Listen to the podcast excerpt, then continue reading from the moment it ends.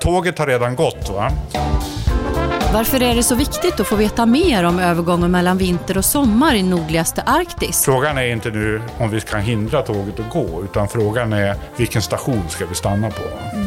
Lyssna på en öppen föreläsning från Stockholms universitet.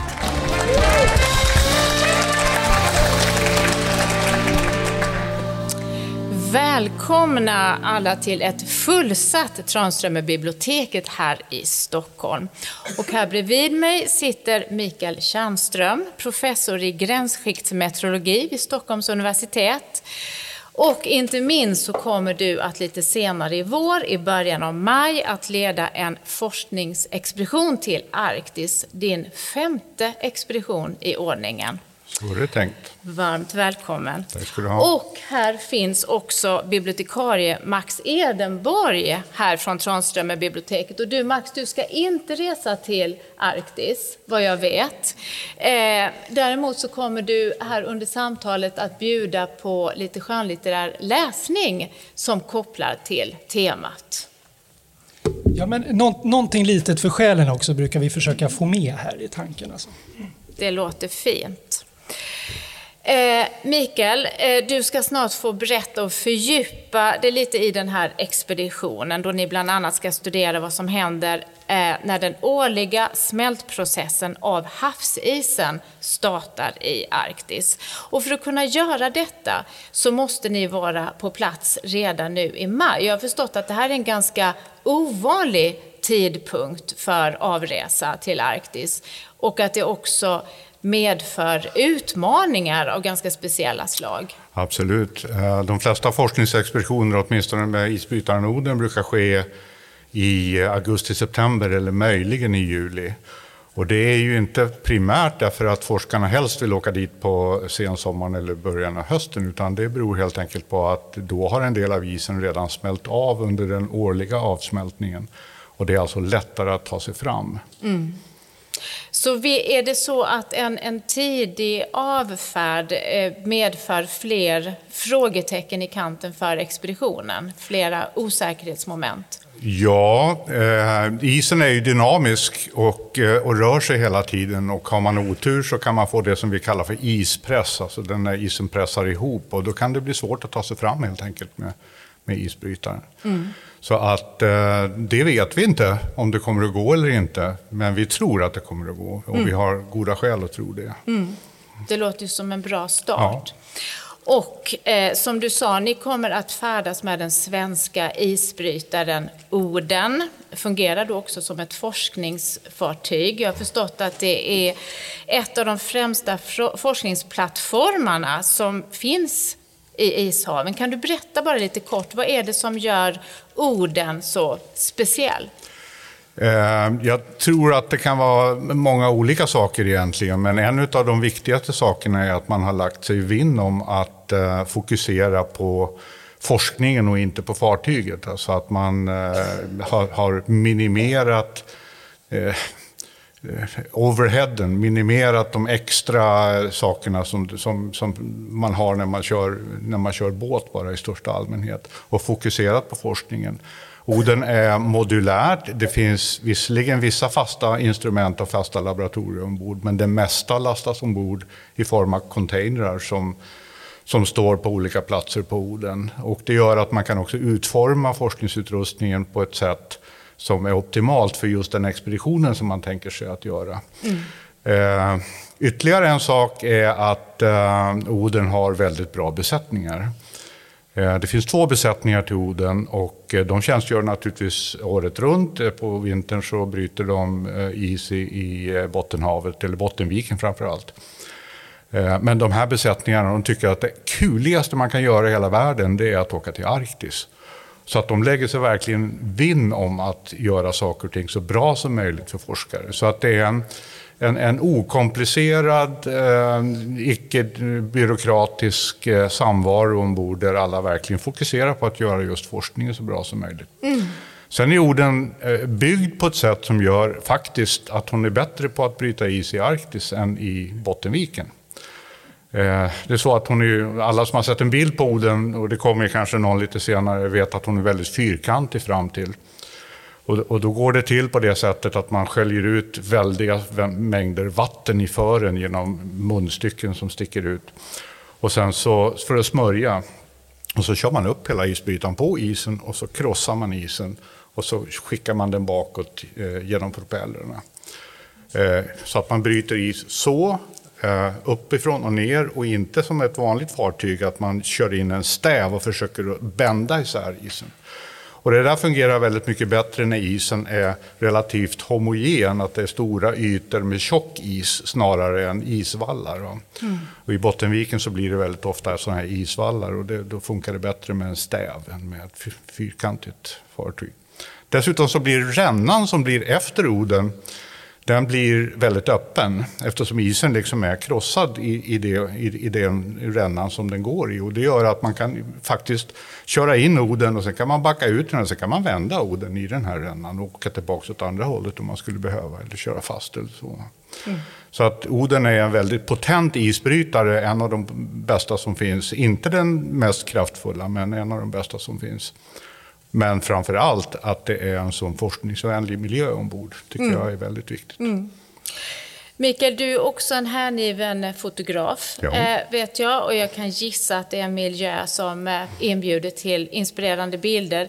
Du har en framför dig nu så vi kanske kan beskriva för de som lyssnar på podden. Eh, Arktis och väldigt ja, vackra isblåa toner och några gestalter som ser ganska små ut där ute på isen. Ja, det är liksom det som är temat för den här bilden. Det är hur liten människan är i, det här, i den här miljön.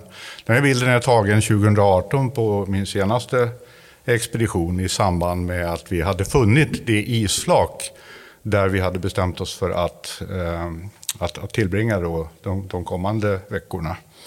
Och de här männen och kvinnorna som man ser på bilden är, är ute och rekar helt enkelt. Det är inte mycket färger, men det är en enorm spännvidd av blå och mm. vita färger eh, mellan de azurblå smältvattensjöarna som alltså är färskvatten som ligger ovanpå isen. Det är smält snö kan man säga som inte har runnit ner i, i havet ännu. Och isen det ser ut som att de är väldigt nära de här smältsjöarna. Ja, fast det är inte särskilt farligt att gå nära. Det, det, är iskanten när man står på kanten till havet som man ska vara försiktig med. Men eh, de här smältvattensjöarna är, är oftast ganska grunda. I alla fall när de ser ut på det här viset. När de börjar bli mörkare och mörkare då kan det hända att de har smält igenom isen så att det hål alltså mitt i. Mm. Och då ska man passa sig för då kan man ramla i. Ni kommer att vara ute mellan den 7 maj och 15 juni. Ja. Ehm, och den här expeditionen är inriktad just på meteorologisk forskning som är ditt område. Kan man säga så? Att man kan säga att det, det, är huvudtemat. Men huvudtemat är egentligen just inledningen av smältningen. Och det berör ju både isen och eh, den översta delen av havet också. Men men, men vår, den hypotesen som vi är ute efter att testa, den, den fokuserar på, på atmosfären och samspelet mellan sydligare breddgrader och, och Arktis, mm. just för att inleda smältningen. Mm. Så det är själva syftet yes. med eh, så. Och, och, resultatet av det som ni kommer att titta på, hur ska det användas? Vad är liksom tanken med expeditionen? Ja, tanken med expeditionen är att förstå varför Arktis värms upp så fort. Vi vet ju att jorden i medeltal har värmts upp lite drygt en grad på grund utav, huvudsakligen på grund av förbränning av fossila bränslen. Eh, av någon anledning så värms Arktis upp med någonstans mellan tre eller fyra gånger snabbare eller mer, eller hur man nu vill se det, och, eh, och, det finns många anledningar till det, eh, att, att, att Arktis är så, så, så, pass känsligt. Men det är också ganska viktigt att förstå vad som händer i Arktis för att kunna säga någonting om framtiden. Mm. För det är klart att om vi siktar på att landa på två graders uppvärmning av jorden då, i enlighet med det här Parisavtalet, va, då, då, kanske det handlar om eh, då kanske det handlar om 8 eller kanske 10 grader i Arktis. Eh, och Arktis är redan under väldigt snabb förändring. Så därför så måste vi ha bra modeller för detta. Och då måste vi eh, kunna eh, beskriva saker i de modellerna som, som, som, har betydelse för just den här, den här utvecklingen. Mm. Och jag har läst någonstans du har sagt att det som händer i Arktis, det stannar inte i Arktis. Nej, Arktis, är, är ju, Arktis är ju köldpolen i vårt, i vårt klimatsystem kan man säga. Eh, solen värmer ju ekvatorn hemskt mycket mer än den värmer polerna. Eh, och eh, för att eh, det här systemet ska sitta ihop då, så måste värme transporteras från mellanbreddgraderna, tropikerna, mellanbreddgraderna upp till Arktis. Och eh, om man då förändrar, och det är i själva verket den här temperaturkontrasten mellan ekvatorn och polen som driver våra vädersystem. Om man då ändrar på den genom att värma Arktis mer än någon annan del va, så, så kommer det att få följdverkningar i hela klimatsystemet. Mm. Exakt hur det blir, det vet vi inte så mycket om och det är också då därför vi behöver ha bättre verktyg. Mm. Vi pratade ju tidigare om den här tidpunkten som ja. är lite ovanlig och att det finns särskilda skäl till det med det här med årstidscykeln vad gäller temperatur och så. Ja, och eh, det enklaste sättet att beskriva det är ju att titta på en, en temperaturtidsserie, alltså hur man tittar på hur temperaturen varierar under året. Och då ser man eh, ganska tydligt att det finns två, eh, två domäner, två eh, sätt att, som systemet fungerar på. Och, och, eh, så att man kan säga på något sätt att Arktis egentligen bara har två årstider, nämligen smältårstiden och frysårstiden. Och under den tiden när temperaturen är under noll grader, då varierar temperaturen väldigt mycket från dag till dag. Men det blir väldigt kallt på vintern naturligtvis eftersom eh, solen är borta då. Sen fram på vårkanten så stiger temperaturen under solens inverkan och någon gång eh, då i maj eller juni så kommer man till smältpunkten och isens yta börjar att smälta. Eh, under hela sommaren sen när temperaturen ligger eh, nära smältpunkten så är temperaturen väldigt statisk, den varierar inte särskilt mycket. Och alla som har blandat en grogg någon gång vet ju det att om man har is i groggen så, så håller den noll grader ända tills iskuben har smält. Va? Det är precis det som händer i Arktis. Så länge det finns is i vattnet så, så håller ytvattnet minus 1,2 grader för det är lite salt i också. Eh, så att temperaturen är väldigt jämn, tråkig över hela eh, sommaren. Och sen fram på höstkanten så, så tippar man över i, eh, i uppfrysningen igen. Och det som är viktigt då det är längden på den här perioden när det smälter. För att om den perioden blir längre, ja då smälter det mera is under den här perioden. Och, och, och då blir det mindre is som går in i nästa säsong Eh, man kan se det som händer när isen börjar att smälta. På de här två bilderna så ser man eh, en väldigt vit yta som är eh, en bild som är tagen i, i, i maj. Och till höger så ser man en smältande yta. Ni ser att den är smutsgrå och befläckad med sådana här smältvattensjöar av olika, olika kaliber. Då. Någon av dem är ganska mörk i mitten och förmodligen kanske ett hål genom isen. Då. Och det som händer först är att snön börjar smälta och eh, samlar sig ovanpå isen i de här smältvattensjöarna. Och det förändrar då reflektionsförmågan som gör att solen kan absorberas mycket mer. Så man tippar liksom över i ett nytt tillstånd. Det är så att eh, i Arktis så, så, fryser i princip hela bassängen varje vinter. Och det kommer den att fortsätta att göra under, under ganska lång tid framöver. Eh, så att när solen går ner så börjar det att frysa och sen så breder isen ut sig och sen så får man is över hela bassängen. Då. Sen fram på våren så kommer solen fram igen och då smälter en hel del bort under, eh, under sommarhalvåret. Då. Och eh, i mitten på september så brukar isen ha den minsta utbredningen under året som den har. Och det, här, det här kan man se väldigt tydligt från satellit. Va? Det, är ingen, det är inte svårt att se skillnad på is och öppet vatten ifrån en satellitbild. Och då kan man se att sedan man började de här satellitmätningarna 1979 då, så har eh, den kvarvarande delen is i Arktis i princip halverats ifrån ungefär 8 miljoner kvadratkilometer ner till i närheten av 4 miljoner kvadratkilometer. Så den här processen den började långt tidigare, 1979. Det är bara det att det var första gången som man kunde mäta det. Och eh, en av de faktorer som spelar roll i det här sammanhanget det är ju hur lång den här smältsäsongen är. Då. Om det är mindre is som går in i nästa vinter än det som gick in i den föregående vintern, då blir det ju en kortare tid att frysa mera is under nästa vinter och så blir det ännu mindre när man går in i nästa sommar och så blir det ännu mindre och så blir det ännu mindre. Och så småningom så kommer då eh, sommarisen att ha gått till noll. Det vill säga att det finns ingen is kvar i Arktis, utan all is som finns i Arktis på vintern är första års is, som vi säger. Det finns mm. ingen is kvar från det, från det tidigare tillståndet. Och när det gäller just smältstarten då, som är temat för den här expeditionen, då, så, så är det så att det, det, är generellt sett ont om observationer överhuvudtaget ifrån Arktis, för att det är en sån ogästvänlig och svår miljö att göra observationer i. Men det är särskilt ont om mätningar just ifrån början. Och de mätningar av själva datumet när smältningen börjar, som man har gjort från satellit, då, tyder på att, eh, att eh, den första smältningen har gått ifrån strax efter början på juni till slutet på maj. Från, eh, om man tittar från 1980 och framåt. Så att den här tidpunkten när det börjar smälta, den blir tidigare och tidigare. Och ska vi kunna beskriva det här i modeller då, då måste vi ha observationer. Jag brukar säga det att man kan inte beskriva i en datormodell saker som man inte först har observerat. Mm. Man måste först observera, sedan förstå och sen kan man beskriva. Mm. Och jag tänker, det här ska ni då tajma så ja. att ni är där vid mm. rätt tidpunkt. Eh, och jag tänker, du har liksom det här bästa scenariet. Vad är liksom, hur, hur säkra kan ni vara på att ni får fram de data som ni önskar er? Ja, vi och har ju, kan ställa vi, sig i vägen för? Vi har ju en annan koppling också, va? och det är ju det som är det här med atmosfäriska floder, eller atmospheric rivers som det heter på engelska. Och det är kopplingen mellan dem och den här smältinledningen som vi, som vi är särskilt intresserade av. Att atmosfäriska floder Eh, eh, geografiskt begränsade episoder när väldigt varm luft kommer in eh, ifrån sydligare breddgrader in över Arktis.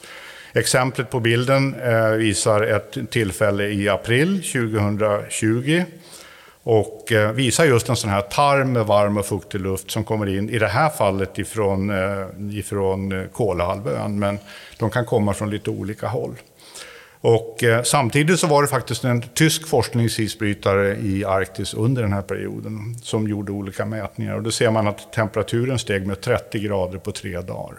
Mm. Eh, så att det var liksom inledningen på den process som så småningom ledde fram till eh, smältningen. Den här isbrytaren heter Polarstern och den var på en resa som innebar att den eh, tillbringade ett helt år i isen. Så utbröt covid. Och det ledde till att eh, Polarstern var tvungen att gå ut ur isen för att byta personal och hämta förnödenheter. Därför att vi kunde inte skicka in andra isbrytare och, och med, med, personal. I själva verket så var det Oden som skulle ha gjort det. Mm. Men det gick inte på grund av pandemin, så då fick hon gå ut. Och då missade hon precis de här två månaderna som vi ska vara där. Så att det är liksom det som är poängen. Så att, eh, då gäller det ju att träffa de här eh, floderna så att säga. Det gäller att vara på rätt ställe då. Va? Och då är vår strategi att vi tar vår isbrytare som ni ser på bilderna, ni som ser ifrån rummet här, och placerar roden någonstans i eh, den här triangeln då, som ligger mellan Svalbard, Grönland och Nordpolen i princip. Och eh, Oden är då instrumenterad med massor av olika instrument. Och sen så använder vi oss av särskilda väderprognoser som vi får ifrån eh, från land. Då för att göra prognos på med fem, sex, kanske i bästa fall sju dagars räckvidd när en sån här inströmning av varm luft kommer. Och då vet vi var den kommer att vara någonstans. Då flyttar vi orden dit och så väntar vi tills varmluften kommer. Och det är här som utmaningen ligger, att göra rätt prognos, att fatta rätt beslut, att kunna ta sig dit och att hinna dit i tid. Mm. Och det är det som är den, den, stora utmaningen. Och det har inte gjorts förut, så att vi vet faktiskt inte om det kommer att gå. Men som sagt, Polarstern tog sig både ut och in. Ut i eh, slutet på april och, och in igen i, eh, i juni. Men då hade smältningen redan hänt. Mm. Så det är en massa omständigheter som mycket, ska vara på plats för att vi ska greja detta. Mycket omständigheter blir det. Ja. Mm. Jag tänkte också, vi kanske skulle påminna lite grann om den här arktiska regionen och ja. de åtta länder som ingår i den. Eh, fyra miljoner människor bor ju Ja. i de här områdena runt omkring. Så det är Sverige, och Norge, Finland, Danmark, inklusive Grönland, USA, Kanada, Ryssland och Island, eller Ja. Mm. hur? Så det är många, många länder som berörs. Och det är de permanenta medlemmarna också i det arktiska rådet då, som är, någon slags FN för Arktis kan man säga. Eh, vi ska knyta an också till det här med, med issmältningen. För om 30 år så kan den första, eller räknar man med att man Ja. har den första isfria sommaren? Förmodligen så är det så att eh, den första isfria sommaren kommer att komma eh, ja, någon gång efter 2050.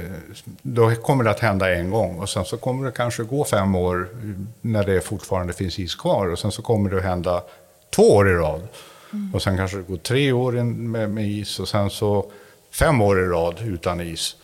Så att det, det kommer liksom inte att gå från, från ett till noll så att säga. På, på, från ett år till ett annat. Utan variationen mellan olika år är väldigt stor. Va? Och det är vädret och, och, och slumpen som styr. Men eh, med det här tempot så, så är, är vi ju ganska säkra på att om vi inte lyckas hålla jordens globala uppvärmning under två grader så kommer isen i Arktis att försvinna på sommaren. Kommer tillbaka igen på vintern, men den kommer att försvinna på sommaren. Och det har ju påverkan då på eh, hela djurlivet naturligtvis. va. Särskilt på de djurarter som lever hela sitt liv på isen. De, har ingen, de blir av med hemmet i princip. Och det är framförallt en, ett, ett antal sälarter som, som lever hela sitt liv på isen. Det här påverkar ju hela eh, eh, Eh, föd, födokedjan så att säga med, med, olika arter som är beroende av varandra. Och det som är speciellt med just Arktis det är det att varje nisch i den här födokedjan då eh, upprätthålls utav ett fåtal arter. Om jag tittar på Sverige eller någon annan region så finns det till exempel ett antal predatorer. Det finns ett antal rovdjur som, som, som liksom kapar av den här kedjan på toppen så att säga. Men i Arktis så finns det i stort sett bara ett rovdjur och det är isbjörnen. Eh, så Som att- ni har stött på, gissar jag, det gör man nog i stort sett varje, ja, det gör man i stort sett varje, varje expedition. Va? Det, jag skulle säga att det är nog snarare så att det är isbjörnen som stöter på oss. Va? Därför att det är en ganska stor yta och det är inte så många björnar. Så att om man gav sig ut och letade efter en björn så skulle man kanske inte hitta någon. Men, men däremot så kommer den här stora isbrytaren och den luktar gudomligt. Va? Stekt fläsk med bruna bönor eller, eller något annat. Så att de kommer och letar upp oss helt enkelt. Något särskilt minnesvärt eh, möte med en isbjörn? Ja, faktiskt. Eh, Den första expeditionen jag var ute på 2001 så hade vi ett tillfälle när en hona och en eh, ettårsunge kom fram eh, alldeles precis till aktern på, på fartyget och, eh, och visade upp sig och luktade på oss. Eh, och forskarna stod ju som druvklasar längs relingen och försökte ta bilder då naturligtvis. Ett annat tillfälle är en björn som vi stötte på 2014 utanför eh, Ostsibiriska havet. Och den körde hela, hela akten, alltså den kromade sig och den rullade på rygg och den lekte snöplog. Och det, var, det, det var ungefär som en, en cirkusbjörn skulle man kunna tänka sig. Va? Men den hade kanske inte träffat så många människor förut. Då, va? Men den, Men det låter ju som ett ganska trivsamt möte. Det är inte någonting som... Eh, Ja, det beror lite grann på. Eh, isbjörnen är ju totalt orädd. Va? Den har inga fiender överhuvudtaget. Va? Så det gör att eh, man ska undvika att tampas med en isbjörn. För får den för sig att du eh, är eh, otvättad i håret eller luktar illa, eller, ja, då kanske den bestämmer sig för att du ska bort. Va? Och det gör att om man arbetar ute på isen så måste alla ombord när det kommer en björn. Så att man får inte ha kvar någon på isen när, när en björn är i närheten. Och därför så har man alltid isbjörnsvakt uppe på bryggan. Varje arbetsgrupp som går ut på isen för att arbeta eh, har med sig en persons vars uppgift är att vara björnvakt. och vad innebär det? Ja, det innebär att man ska hålla ögonen öppna för björn, att man ska ha radion på och att man ska ha ett vapen med sig. Och och eh, ibland så blir det ganska stressigt då för att man vill få, om man har folk långt ute på isen, dyker upp en björn på horisonten, va, då ska man få ombord allihop. Men har, har, du varit med om att ni har tvingats skjuta någon björn? Nej, aldrig någonsin. Eh, det är väldigt, väldigt ovanligt. Jag känner inte till något fall där man vid en forskningsexpedition har varit tvungen att skjuta en björn. Utan det man gör är ju att man försöker att avleda den, man försöker att få den att tycka att det här är ett obehagligt ställe. Det smäller och knallar och har, så man kastar, kastar sådana här knallskott på den när man skjuter med bössan man tutar med, med, med, hornet, alltså den stora båttutan mm. då, som låter som sju svåra år. Och hjälper inte det så skickar man upp helikoptern. Därför att helikoptern är väldigt effektiv. Då. Och det man gör då det är att man flyger fram och tillbaka framför björnen. Sakta, sakta, sakta driver bort den. Och så driver man bort den till nästa isflak och gärna till nästa och nästa igen. Va? Därför att man vill inte att den ska komma tillbaka. Det ska vara tillräckligt obehagligt för att den mm. inte ska vilja komma tillbaka. Sen kan man börja jobba igen. Det här kan ta några timmar. Va? Och det, mm. Man jobbar ju hellre än att sitta och titta på vänta på en isbjörn ska försvinna. Men en mycket särskild omständighet kan man väl säga då, ombord på orden. Ja, du var ju inne på det här lite tidigare och du pratade om den här besättningen som tyckte det här var det roligaste i världen, mm. att vara ombord och att de gjorde livet också enkelt ombord. Ni är 40 personer, eller hur? Forskare. Ett 40-tal forskare, ja. ja. Eh, som ska samsas ändå på en relativt liten yta och under väldigt speciella omständigheter och med de här, det arbetet ni ska utföra och så samtidigt de här riskerna som finns hela tiden. Hur, hur kommer man överens? Hur samsas ni ombord? Hur ser ja, livet ut? Ja, livet börjar, varje morgon börjar med, med morgonsamling eh, i, i ledningsgruppen. Då. Det, är, det är ju jag och eh, en kollega och eh, kapten och eh, Polarsekretariatets representant som träffas går igenom vädret och eh, tittar på de önskemål som vi fick in från dagen innan. Och prioriterar och gör upp en plan för dagen. Sen går man ner till frukost.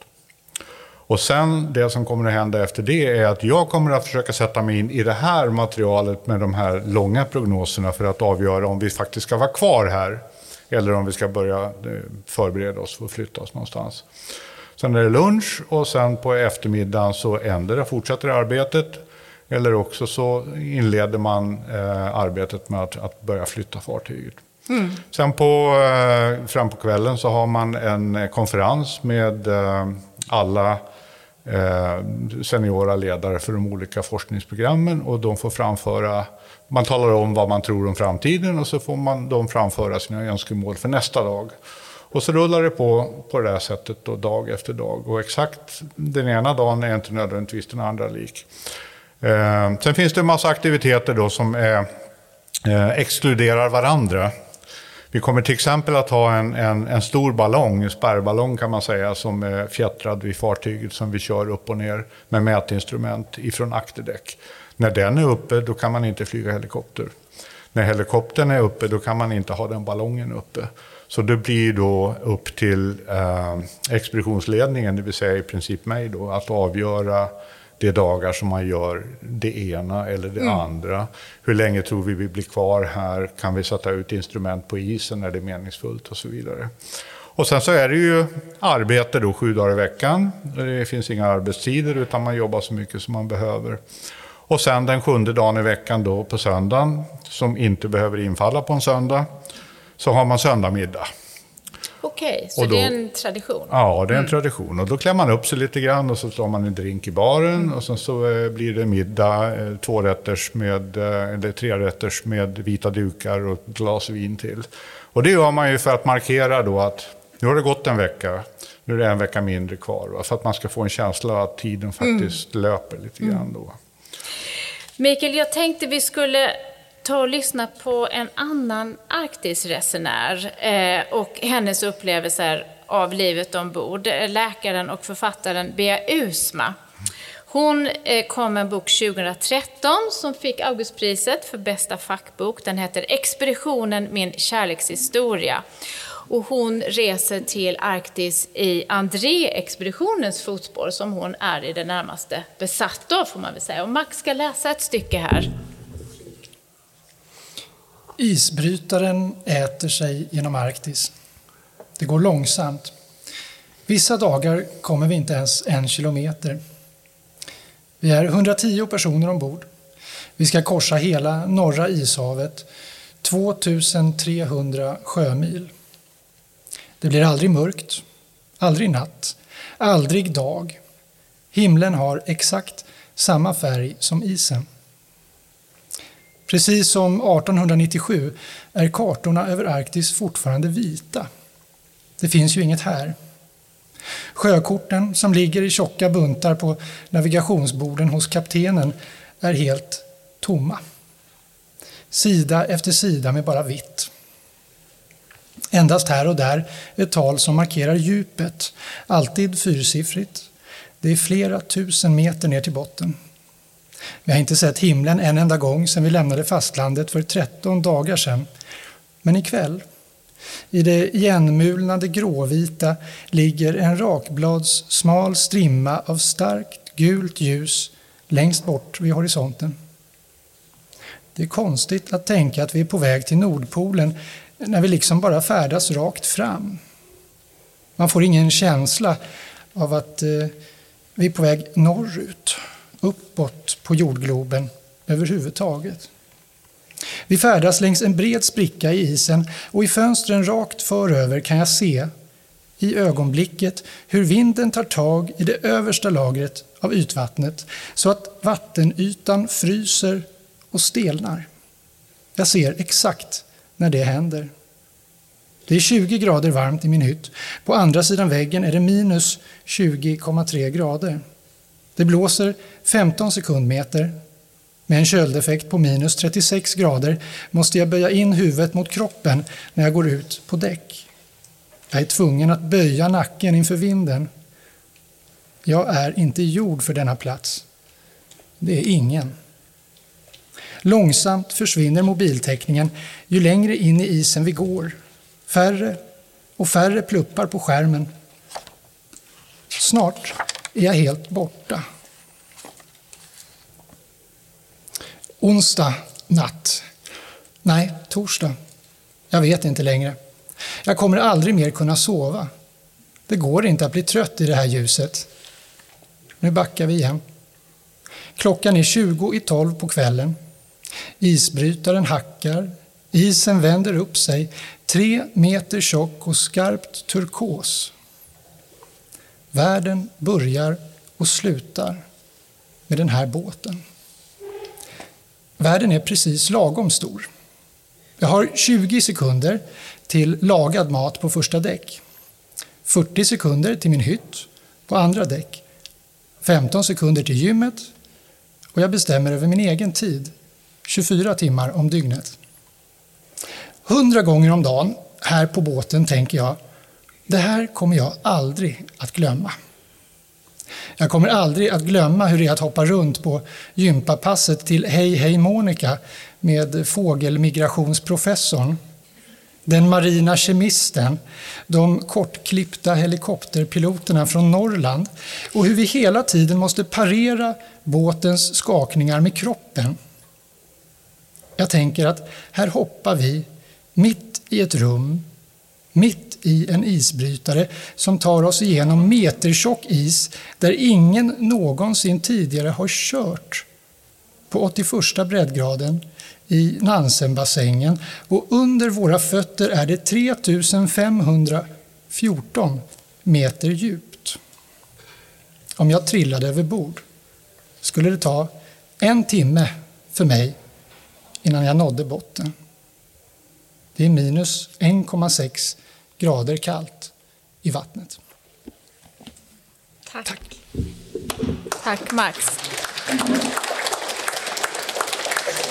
Ja, jag är inte gjord för denna plats, jag är ingen. Kan Nej, du också så känna så? Ja, man känner sig oerhört liten i, i, i, många, i många sammanhang. Och eh, det är klart att man känner att man är en gäst där. Eh, ingen skulle jag inte säga, för isbjörnen är ju gjord för det här mm. området. Och sälarna. Mm. Men ingen människa kanske? Men kanske inte så många människor. Nej.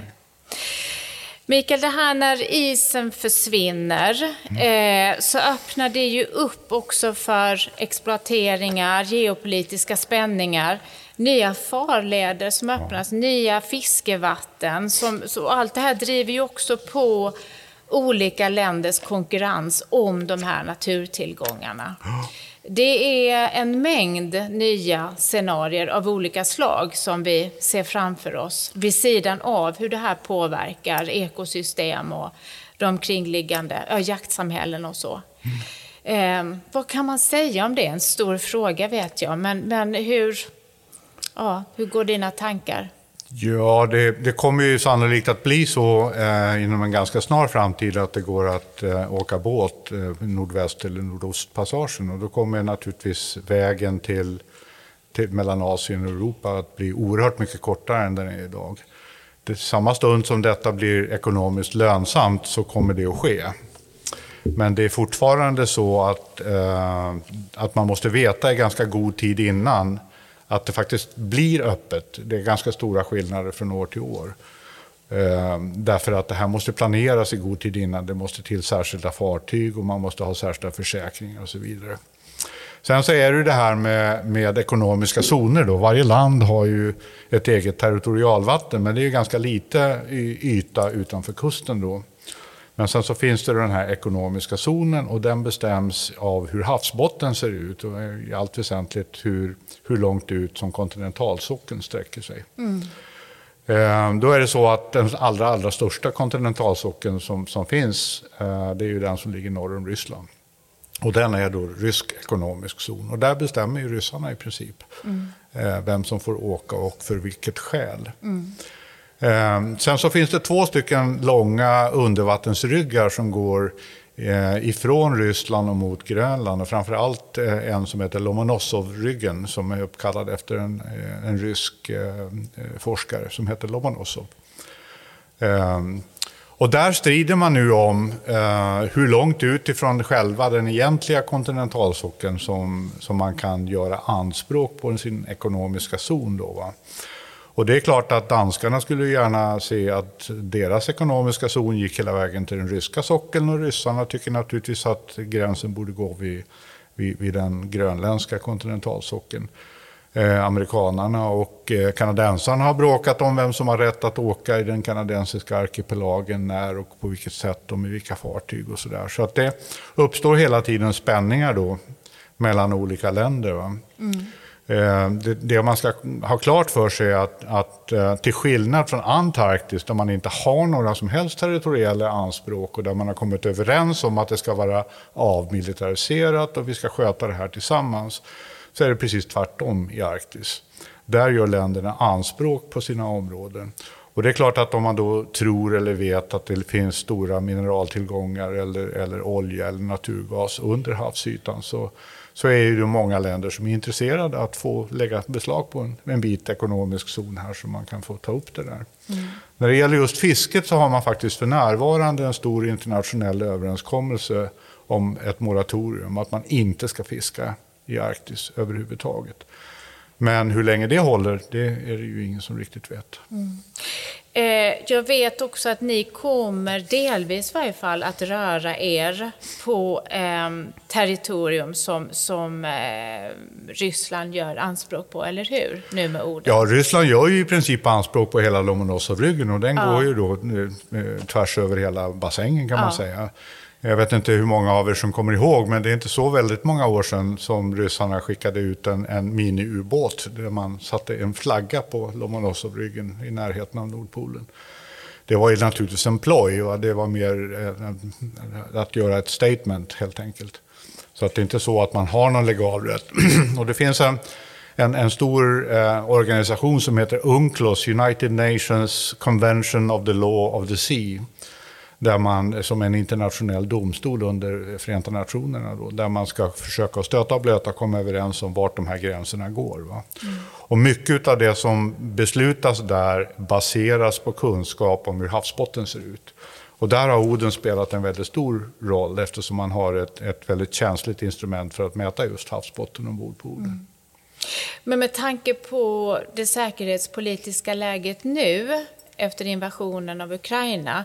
Det här att ni ska röra er på det här territoriet, innebär det, eller hur ser ni på risken att göra det? Eller riskerna som det kan innebära? Eh, vi bedömer nog att de riskerna är ganska små ändå. Vi kommer naturligtvis att hålla oss utanför den ryska ekonomiska zonen, den som de har fått sig så att säga stadfast till, tilldelat.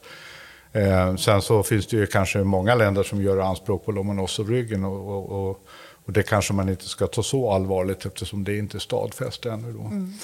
Eh, den här metodiken vi kommer att använda där vi flyttar på orden till olika platser beroende på vädret, då, den kommer ju att innebära att vi får tänka oss för lite grann när vi flyttar oss åt olika håll. Så att det vi gör inte uppfattas på något eh, hotfullt sätt eller att, att vi skulle ha någon någon, någon gömd agenda att vi skulle ha spioner ombord eller, eller något sånt. Så att vi får tänka oss för naturligtvis och vara försiktiga i bedömningarna. Men jag tror inte att det utgör någon större mm. fara.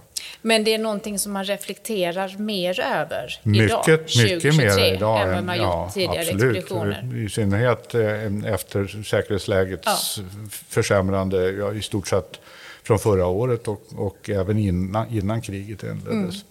Orden skulle ju ha gått upp eh, förra sommaren på en stor expedition där vi skulle ha samarbetat med en rysk isbrytare. För det är nämligen så att ryssarna har de största och bästa isbrytarna. Eh, men den expeditionen blev ju inställd på mm. grund av säkerhetsläget. Mm. Och att man, man har ett avbrutet samarbete? Helt ja, det är så att äh, svenska och ryska forskare får samarbeta precis hur mycket de vill. Men däremot så får svenska institutioner inte samarbeta med ryska institutioner. Mm. Och vilka, nu blev den expeditionen inställd. Ja. Vad ser du för andra vidare konsekvenser av detta eh, med påverkan just på sån här enormt viktig internationell forskning? Ja, det är väldigt allvarligt. Va? För att det här var en expedition som blev inställd då. Va? Men det skulle ha gått en annan expedition faktiskt redan nästa, nu till sommaren, alltså efter vår expedition i i eh, augusti-september så skulle en expedition ha gått upp just till den ryska kontinentalsockeln för att titta på eh, tinande metanhydrater och vad det har för betydelse för klimatet. Den är också inställd mm. eftersom den skulle gå på rysk eh, ekonomisk zon. Då. Eh, det är klart att i förlängningen så, så, är det här ett stort problem.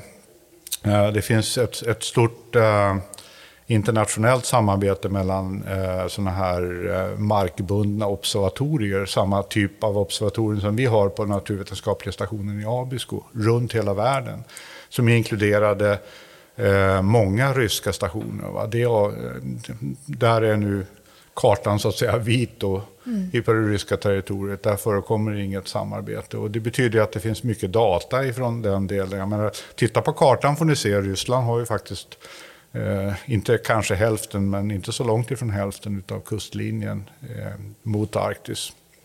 Så att det, det är ett, ett, ett, stort problem. och eh, Frågan är ju när kommer förtroendet tillbaka? Även om situationen i Ukraina skulle reda ut sig under det kommande året eh, på det ena eller det andra sättet så kan man fråga sig när kommer länderna att ha förtroende för varandra igen och kunna börja samarbeta.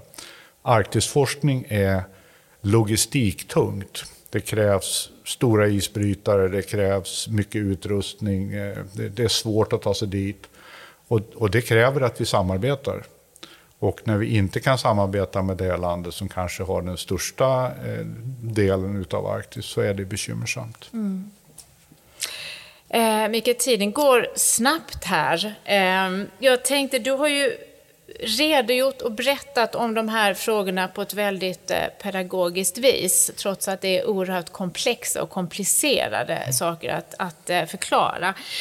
Eh, och jag tänkte bara avslutningsvis, just i din, i din roll som, som forskare och expert, hur du ser på det här att förmedla fakta kring det här som rör klimatet, våran framtid på jorden, någonting som är eh, oerhört alarmerande och samtidigt som man ska ha den här balansen gissar jag att man ändå måste ingjuta någon slags framtidshopp och så, och, men också få människor att förstå och att lyssna. Hur, hur, hur ser du på din uppgift där och hur ser du på kanske den allmänna opinionen idag? För det första så tycker jag det är oerhört kul.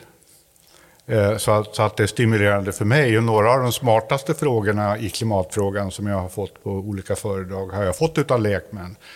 Eh, och det får ofta mig att gå hem och tänka efter lite. Hmm, hur Kommer var det du ihåg nu? en sån på rak arm? Någon sån där som du har fått som... Ja, kanske inte på rak arm. Nu ställer du mig på, på, på ja. pottkanten här som jag säger. Eh, men, men, det, men det vet jag att det har mm. hänt. Att, att det har fått mig Eh, om inte kanske att ifrågasätta mitt budskap, men att gå hem och fundera över hur någonting faktiskt hänger ihop. Därför att jag upplevde att jag hade kanske inte det allra bästa svaret på frågan. eller Så Så, att, så att det är ett givande och tagande. Eh, sen så finns det ju många meningar och många uppfattningar och många politiska eh, åskådningar när det gäller klimatfrågan. Och en del hävdar ju att jorden är på väg mot undergången och andra säger att det kanske inte är så farligt. Och, eh, och, och, det där upplever jag, till exempel när det händer något extremt i vädret som översvämningarna i södra Sverige alldeles nyligen eller Eh, den här fantastiska värmeböljan över nordvästra USA för något år sedan. Då går min telefon varm. Då vill alla veta om detta beror på klimatförändringen eller inte. Och då eh, får man eh, kämpa lite med, med, med sig själv och, och, och faktiskt våga svara att det vet vi inte. Det, det kanske inte går att svara på frågan. Ehm, så att det är hela tiden en balansgång mellan att understryka hur oerhört allvarlig den här frågan är. Men att samtidigt också eh, få eh, människor att inse att vi äger den här frågan. Det är faktiskt ingen annan än vi själva som kan lösa den här frågan. Och det ligger faktiskt inom räckvidd. Vi kan faktiskt lösa den här frågan, bara vi vill tillräckligt mycket. Mm. Men det är bråttom? Men det är bråttom och vill man ha kvar eh, sommarisen i Arktis eh, så måste vi begränsa uppvärmningen till under 2 grader ungefär. Det kan vara 2,1 eller 1,9, det är ingen som vet exakt. Men ungefär i det häradet måste vi begränsa uppvärmningen till. Annars har vi förlorat all sommaris i Arktis. Mm. Mikael, stort tack för att du var här idag. Snart eh, beger du dig iväg, som sagt, 7 maj. Jag tänkte bara avsluta med en sån här fråga som man brukar inleda med. Hur känns det inför avresan? Oh, det är så många olika känslor. Eh, det är naturligtvis spännande och det är entusiasmerande och det är roligt och det är eh, skräckslaget. Eh, och man ligger vaken på nätterna och funderar på allting som kan gå fel. Och, och sen så löser sig något problem och så blir man euforisk igen. Och så så att det, det, det, är inte en sak man känner, utan det är hundra saker samtidigt. Mm. Kommer man kunna följa er på någon blogg eller sådär? Det kommer att finnas eh, bloggar. Både så kommer säkert en del individuella forskare att, att, eh, att skicka meddelanden. För vi har tillgång till e-mail nämligen över satellittelefon. Sen kommer det då Polarforskningssekretariatet att, att eh, ja, med jämna mellanrum lägga upp eh, berättelser om vad som händer. Kanske inte varje dag, men, men någon gång nu och då, så här, var, varannan, var tredje dag eller så. Med lite bilder också i bästa fall. Mm. Vi ser fram emot det. Stort lycka till och jättetack för att du var med oss. Tack ska du ha.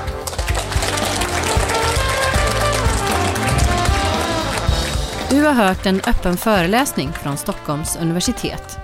Du hittar fler poddar om forskning och vetenskap på su.se poddar.